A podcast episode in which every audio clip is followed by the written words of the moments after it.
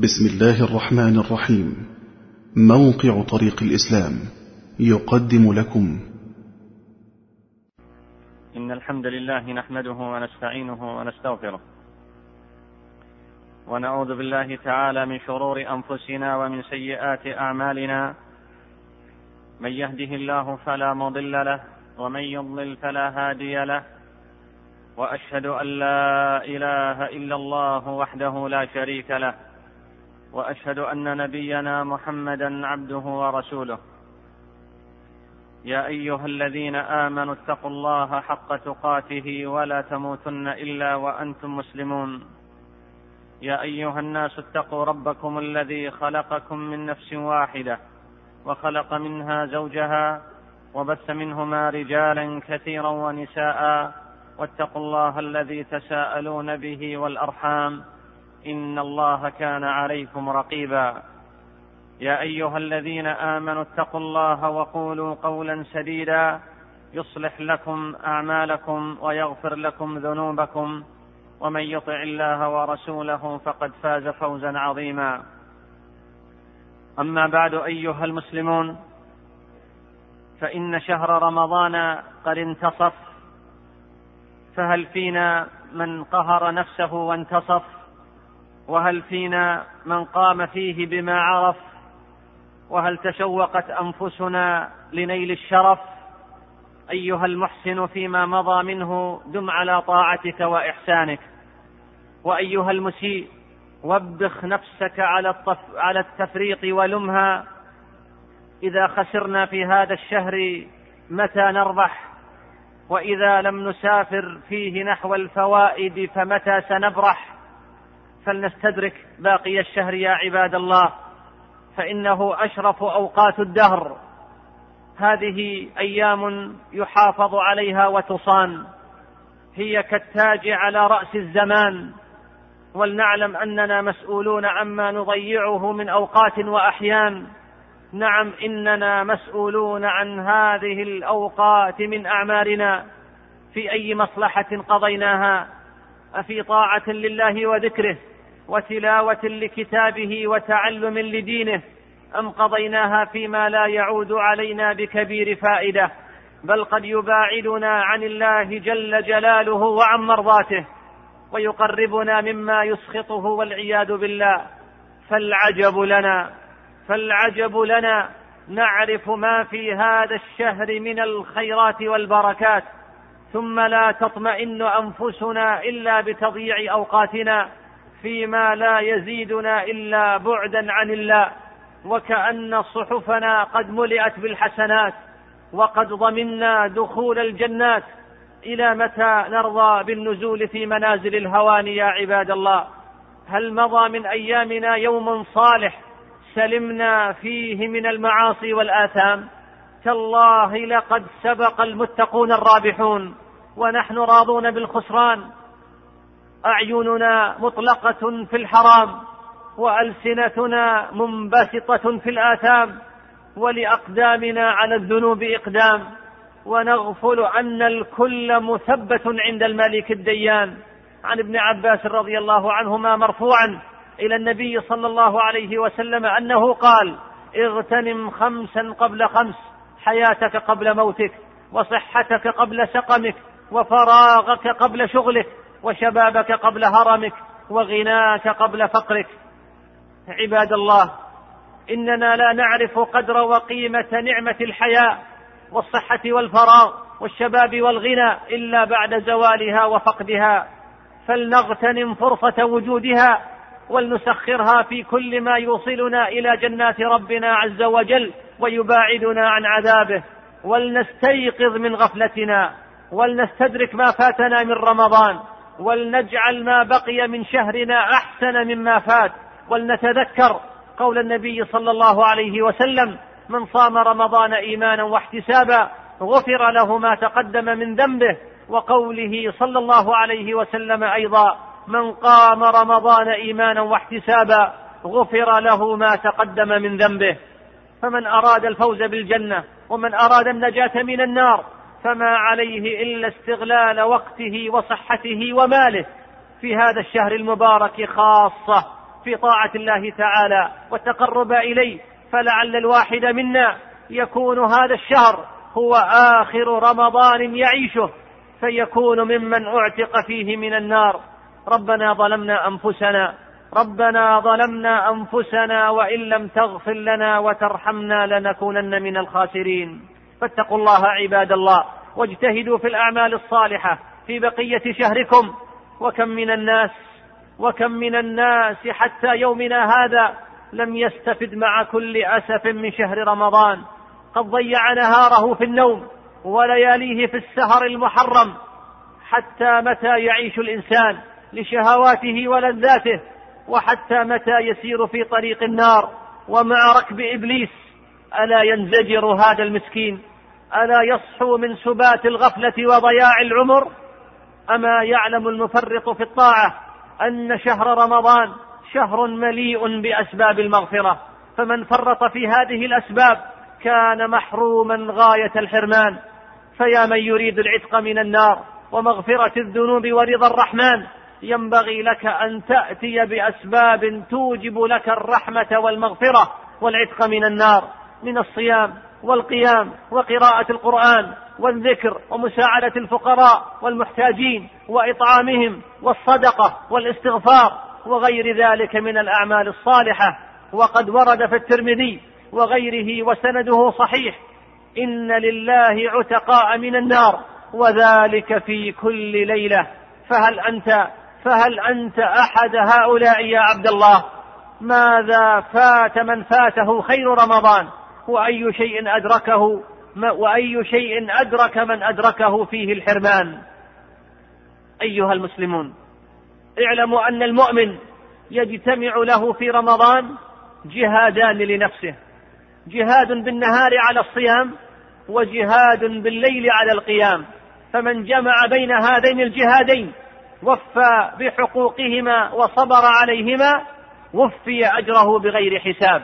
وفي الحديث عن عبد الله بن عمرو عن النبي صلى الله عليه وسلم أنه قال الصيام والقرآن يشفعان للعبد يوم القيامة.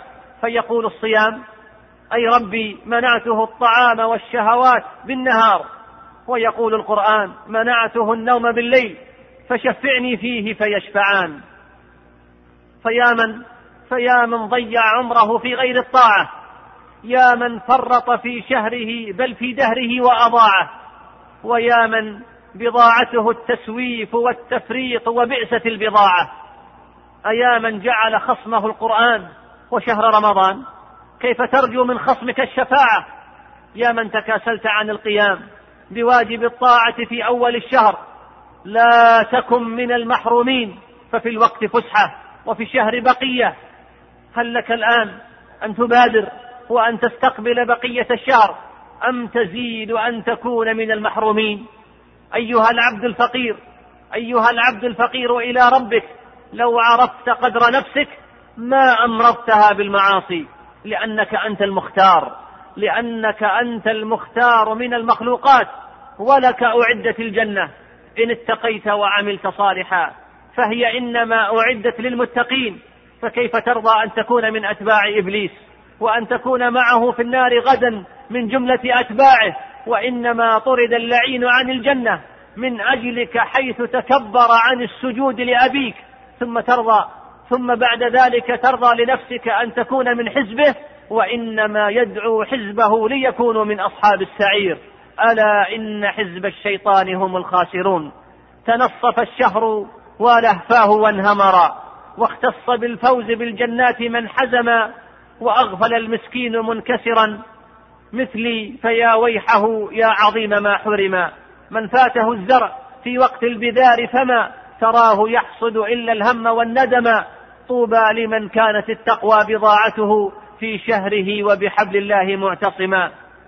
فيا قوم ألا خاطب في هذا الشهر إلى الرحمن؟ ألا راغب فيما أعده الله للطائعين في الجنان؟ ألا طالب لما أخبر به من النعيم المقيم مع أنه ليس الخبر كالعيان؟ أيها المسلمون ما أشبه الليلة بالبارحة.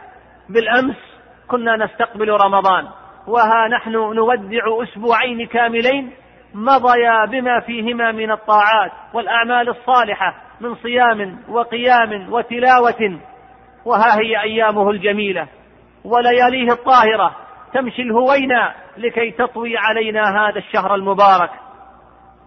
إنه والله من العجيب أن نرى أناسا ليس لهم هم في هذه الدنيا إلا تضييع الأوقات في اللهو والغفلة تمر عليهم المواسم والفرص ولا يحرصون على استغلالها في طاعة الله. انظروا مثلا لحال الناس في صلاة العشاء.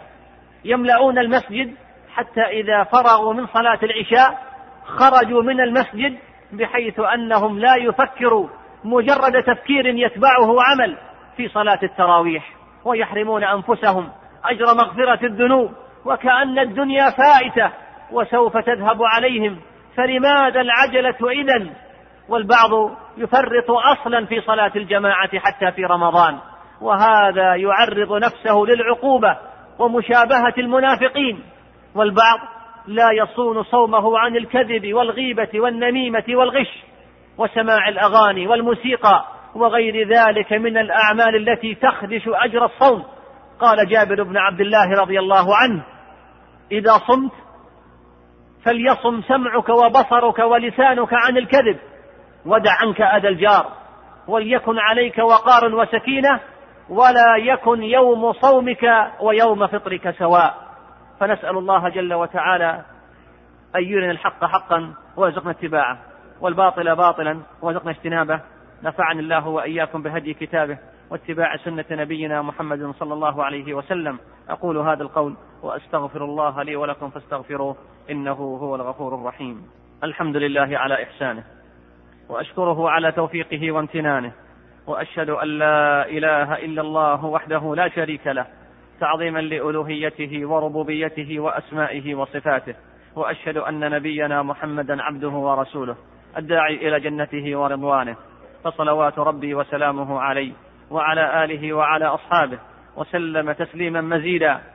أما بعد أيها المسلمون إن لشهر رمضان طعما خاصا وحديثا يجري القلوب ومحبة خاصة وشعورا غريبا لا يشعر به إلا المحبون الراغبون في هذا الشهر. وما فيه من الخير العظيم. وكأني بأولئك المؤمنين يطلقون العبرات والزفرات والدعوات لعلهم أن يكونوا من عتقاء هذا الشهر. وممن وممن يمتن الله عليهم بصيامه وقيامه. إن قلوب المتقين إلى هذا الشهر تحن ومن ألم فراقه تئن. وما ضاع من أيامنا هل يقوم؟ فهيهات والأزمان كيف تقوم؟ ويوم بأرواح يباع ويشترى وأيام وق وأيام وقت لا تسام بدرهم. لماذا نخسر رمضان؟ كلنا بحاجة إلى أن يسأل نفسه لماذا نخسر رمضان؟ ألم نعلم فضائله ومزاياه؟ ألم نعلم أنه شهر عظيم شهر التوبة والمغفرة ومحو السيئات وشهر العتق من النيران؟ موسم الخيرات وفرصة لا تعوض. وفيه ليلة خير من ألف شهر من حرم خيرها فقد حرم فما بالنا؟ أحقا من خسر رمضان يجهل هذه الفضائل أم يتجاهل؟ إن الخسارة في هذا الشهر تتفاوت من شخص لآخر من شخص لآخر. فهناك من قد كسب أرباحا طائلة لا تعد ولا تحصى ووالله إنه لهو السعيد. فليشكر الله فإنه فضل الله جل وتعالى منه ومنه فلولا فضل الله عليكم ورحمته لكنتم من الخاسرين. وهناك صنف آخر من خسر خسرانا مبينا كما قال تعالى ومن يتخذ الشيطان وليا من دون الله فقد خسر خسرانا مبينا وهناك من كان بين بين فتارة يخسر وتارة يربح وآخرون اعترفوا بذنوبهم خلطوا عملا صالحا وآخر سيئا عسى الله أن يتوب عليهم. إن الله غفور رحيم. كيف يخسر رمضان؟ وما هي أسباب خسرانه؟ أولا الغفلة عن النية وعدم احتساب الأجر. فاعلم أنك ما تركت الطعام والشراب وابتعدت عن المعاصي والشهوات إلا لله وحده طلبا لرضاه واستجابة لأمره. لا يهمنك أحد من الناس. علم أم لم يعلم فصومك لله وخوفك لله. ولهذه المعاني الجميلة قال الله تعالى في الحديث القدسي إلا الصيام فإنه لي وأنا أجزي به يدع شهوته وطعامه من أجلي. اذا فالصيام من العبادات الخفية بينك وبين الله لا يعلم بها أحد إلا الله فقد تشرب وقد تأكل ولا يعلم بك أحد من الناس. ولكن وما الله بغافل عما تعملون. فمن صام بهذه المعاني وجد حلاوة الصيام وشعر بلذة رمضان فأقدم على الأعمال الصالحة أيما إقدام. ثانيا مما يكون من أسباب خسران هذا الشهر إهمال الصلوات الخمس وتأخيرها عن وقتها وأداؤها بكسل وخمول وهذا من أعظم أسباب خسارة رمضان. فمن لم يحرص على الفرائض ولم يقم بالواجبات فكيف يرجى من هذا الشخص أن يأتي بالنوافل؟ بل كيف بل كيف يرجى منه استغلال رمضان؟ ربما صلى الرجل في آخر الوقت ينقر الصلاة نقر الغراب. فكيف لمن كان هذا حاله أن يستغل رمضان في طاعة الله والفوز فيه؟ بل هذا يخشى على صيامه ألا يقبل والعياذ بالله. ثالثا السهر وهذا من اعظم من أعظم أسباب الخسران في رمضان. وكيف يرجى لمن سهر طوال الليل أن يفوز برمضان والسهر عباد الله مكروه إن كان على أمر مباح. فكيف بمن يسهر على حرام؟ وأكثر الناس اليوم يجلسون طوال الليل مع الأقارب أو مع الأصحاب وتذهب الساعات بالقيل والقال وتتبع القنوات الفضائية وربما جلسوا حتى وقت السحر لم يقرأوا حرفا من كتاب الله. أليست خسارة أن تضيع هذه الساعات الطوال من رمضان في كل ليلة بمثل هذا؟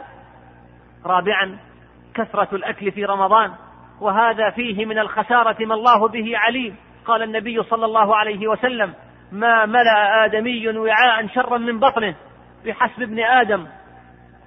لقيمات يقمن صلبه فإن كان لا محالة فثلث لطعامه وثلث لشرابه وثلث لنفسه رواه الترمذي.